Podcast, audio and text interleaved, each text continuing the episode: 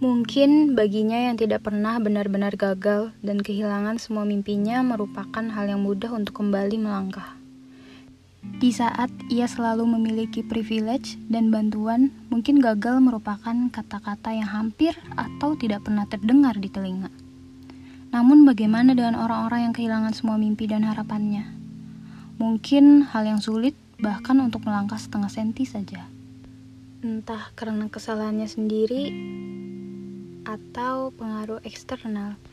Sering aku mendengar komentar orang-orang tentang kegagalan seseorang jika orang itu salah, maka akan dihakimi. Benar bahwa kita semua memiliki hak untuk berkomentar, tetapi aku sadar bahwa aku harus bertanggung jawab atas komentarku, dan aku tidak boleh melihat masalah hanya dari satu sisi saja. Sejak itu, jika aku berkomentar, aku akan sangat berhati-hati. Setiap aku mulai menulis komentar, aku selalu mencoba melihat masalahnya secara detail berpikir bagaimana perasaan dan tanggapan orang itu, dan bagaimana jika itu aku.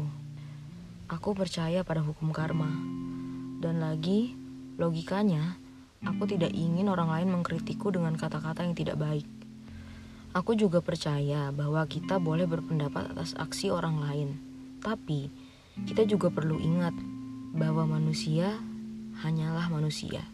Manusia pasti membuat kesalahan, jadi, aku hanya komentar seperluku sesuai dengan fakta yang ada. Kita tidak pernah tahu kegagalan itu akan berimpak seperti apa pada orang itu. Kita tidak pernah tahu bagaimana ia merespon komentar itu. Mungkin saja dia semakin depresi dengan komentar itu, atau bisa saja tidak. Kalian mungkin pernah dengar cerita cyberbullying yang telah membunuh seseorang. Bisa sebesar itulah efek dari komentar jahat pada seseorang. Dari kisah itu, aku selalu mencoba melihat masalah dari posisi orang itu. Cerita kegagalan yang pernah aku dengarkan menyedihkan dan membuatku tidak percaya akan apa yang ia lakukan untuk mengatasinya. Ada yang menjadi nekat dan curang setelah ia gagal, ada juga yang menyerah, dan ada yang mencoba memperbaiki diri dan mencoba bangkit.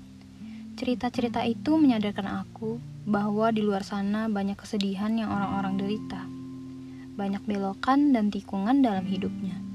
Banyak alasan mengapa orang-orang menjadi jahat, galak, pendiam, bangkit, dan bahagia.